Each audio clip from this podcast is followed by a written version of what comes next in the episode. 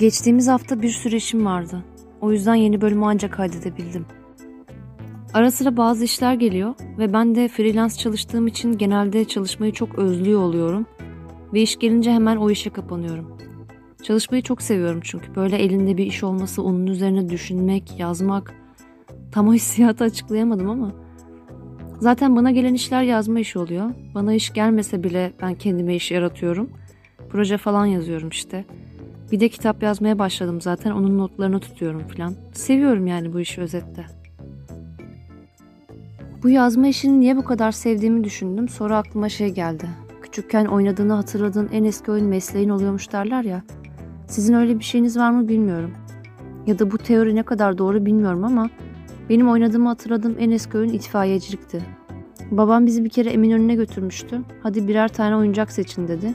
Böyle kocaman bir tezgah, bir sürü oyuncak var yani çocuk olsan kafayı yersin. Ben gittim, bir tane oyuncak itfaiye arabası vardı onu aldım.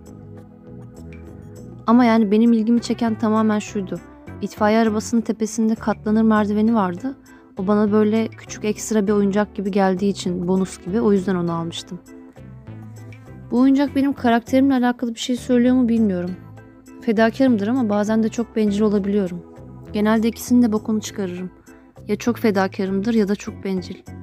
O yüzden şimdiye kadar hayatıma giren insanların yarısına göre enayi, diğer yarısına göre de bencil pisliğin tekiyim muhtemelen. Yüzde yüz emin değilim yani. Sonuçta herkes birbirine karakteriyle alakalı geri dönüşlerde bulunmuyor. Ancak kriz falan çıkarsa patlayıp söylüyorsun bazı şeyleri. Ama orada da sadece kötü şeyleri söylüyorsun.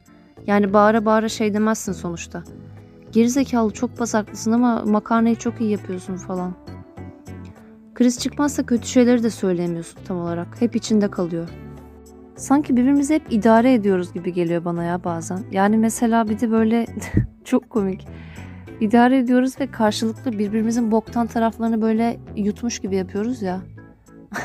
Ama bir yandan içimizde sürekli konuşan başka bir şey de var. Bence kimse birbirinden memnun değil. Ama şöyle düşünelim zaten bu mümkün değil. Neyi ne kadar umursadığımıza bağlı. Bir de kimse kimseyi memnun etmek zorunda değil aslında. Mesela birbirini tanımayan birkaç kişi sıkışık bir şekilde bir asansöre biniyorlar. O an kimse mutlu değil. Herkes nefesini tutuyor. Herkesin mecburen razı olduğu bir an yaşanıyor. Bütün hayat da öyle gibi sanki. Şimdi burada herkes adına konuşmuyorum tabii ki. Bunu da sürekli hatırlatmaktan gına geldi ama bu benim hayatım böyle bir noktasında durup gözlemlediğim bir şey. Ben bile her dakika aynı tespitle yaşamıyorum. Bunlar sadece birer kesit. Bazen bu asansör şeyinden yola çıkıyorum ve kafamdaki tablo şöyle. Herkes kendisinin bir başkasına göre daha zeki olduğunu düşünüyor. Ben böyle bir şey gözlemledim. Ve bu noktadan bakınca hayat o kadar zorlaşıyor ki iletişim kurmayı falan bırakıyorsun orada. Ve acaba ben hangi konuda karşımdakinden daha uyanığım, daha zekiyim diye düşünmeye başlıyorsun. Böyle durumlara ve ortamlara çok fazla denk geldim ve şuna karar verdim. Karşımdaki insan beni aptal yerine koyuyorsa mesela hiç umursamıyorum. Eskiden bu beni rahatsız ediyordu ama çok ciddi hakkım falan yenmiyorsa artık umursamıyorum. Ve çok rahatladım. Ona her şeyimle böyle ne bileyim tavırlarımla, sözlerimle diyorum ki evet ben aptalım. Üzerimde istediğin gibi egonu tatmin edebilirsin, beni kullanabilirsin. Umurumda değil diyorum. Ona bu izlenimi veriyorum. Ama aslında zararda değilim yani. Çünkü ben de onu kullanmış oluyorum. Kendimi ifade etmek için kendimi yormadığım bir şeyin içine giriyorum çünkü. Bu kulağa biraz iyimserlik gibi geliyor ama değil. Bu benim tembellik hakkım. Bundan endişelenmiyorum çünkü bayağı idareli kullanıyorum bu hakkımı. Sanki bayağı orada da ekonomik kriz varmışçasına idareli kullanıyorum. Çünkü zeki görünme konusuna yeterince yatırım yaptığımı düşünüyorum. Bir kere gereksiz bir yatırımda hiç değerlenmedi. Hatta değer kaybettiğini bile söyleyebilirim. Çünkü mesele zeki görünmek değil, olduğun gibi görünmek aslında. O zaman çok rahatlıyorsun. Kendimle bir anlaşma yaptım bir gün. Dedim ki kızım bak, bazı konularda cahil veya aptal olabilirsin, korkma. Sonuçta her zaman cahilliğinle ve aptallığınla ilgili şaka yapabilirsin. Bir ara mesela hep savunmaya geçiyordum. Ya işte benim dikkatim dağınık, yok şöyle yok böyle. Artık onu da yapmıyorum. Bana ne ya? Sanki herkes her şeyi çok mu doğru yapıyor? Her şeyi bilmek zorunda mıyım? Yo. Velhasıl öyle işte. Ama bazen mesela tam tersi tadından yenmeyen başka bir şey var.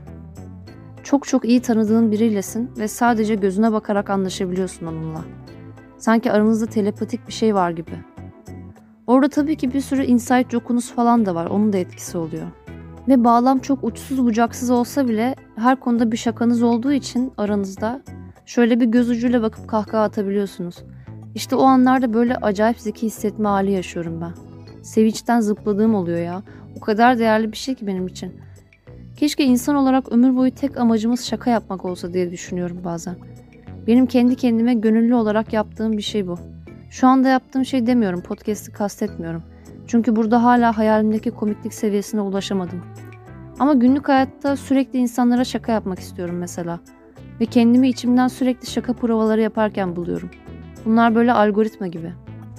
Metin yazıyorum kafamda. Biri şöyle şöyle bir şey derse ben ona şöyle şöyle derim. İşte güler mi acaba? Neyse deneyeceğiz falan diyorum işte. Bazen çok güvendiğim şakalar sırf timingi ayarlayamadığım için bok gibi oluyor. Rezil gibi hissediyorum kendimi. Bazen de hiç güvenmediğim şakalar oluyor. Hatta bunu asla kullanma, kendini rezil etme dediğim şakalar. Bazen ağzımdan kaçıyor bunlar. Öyle bir gülüyor ki insanlar. Ya diyorum Allah Allah keşke en baştan yapsaydım bunu. Yani bilemiyor işte insan. Denemek lazım. Bazen mesela şaka yapıyorum duyulmuyor falan. O zaten iyice rezillik artık. Hemen bir bahane bulup ortamı terk ediyorum. Bazen de anlık doğaçlama şakalar oluyor. Onlar en güzeli zaten. Taptaze oluyor. Onu böyle hissediyorsun. Kokusu burnuna geliyor. Ama doğaçlama şaka her zaman gelmiyor. Ya yani o zaten herkesin yanında olmuyor. Ama mesela size hep gülen biri varsa onun yanında özgüven geliyor ve hep daha iyi şakalar yapıyorsunuz. Ve giderek yükseltiyorsunuz. O sizin premium alıcınız gibi. ben mesela uzun süre böyle birine denk gelmezsem depresyona giriyorum. Sonra bana kimler gülüyordu en çok ya diye arkadaş listeme bakıyorum. Buluşsak mı ya şu kişiyle diyorum. Sonra onu kullanacağım gibi hissettiğim için yazmıyorum hiç. Ama o bana yazınca hemen gidip buluşuyorum. Sonra bütün gün ona şakalar yapıyorum. Sanki mesai yapıyormuşum gibi oluyor. Ben de ona gülüyorum bol bol. Çünkü genelde bunu paylaşabildiğin insanlar e, senin de güldüğün kişiler oluyor. Günün sonunda da sanki böyle performans sergilemişim gibi yorulmuş falan oluyorum. Ama hoşuma gidiyor. Beyin sporu gibi. Burada tabii öyle dedim ama arkadaşlarımı kullanmış olmuyorum aslında. Çünkü herkesle farklı bir paylaşımın oluyor sonuçta.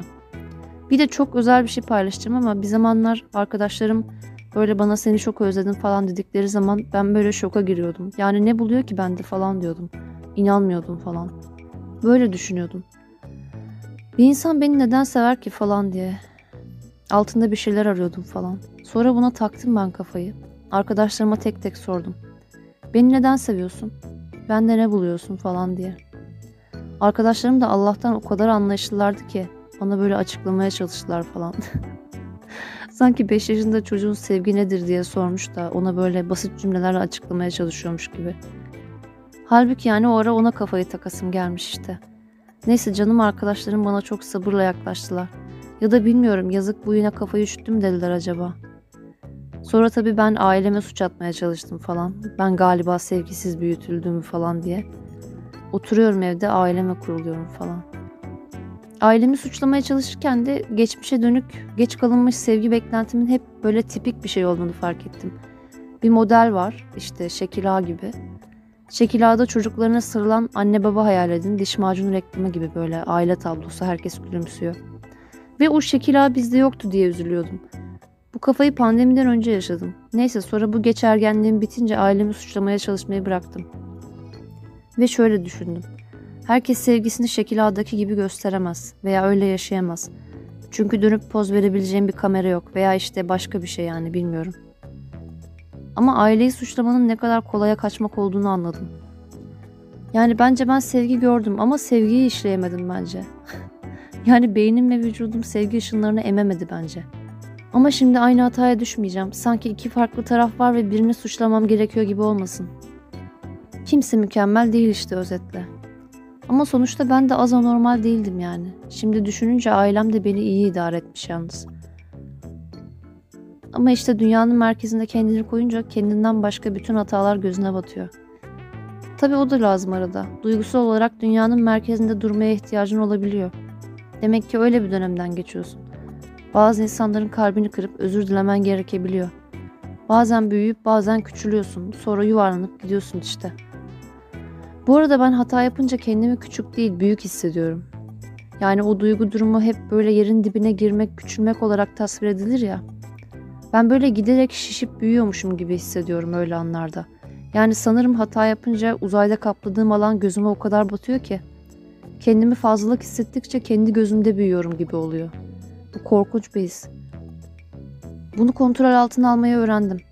Hata yapmayı artık daha normal bir şey gibi karşılıyorum.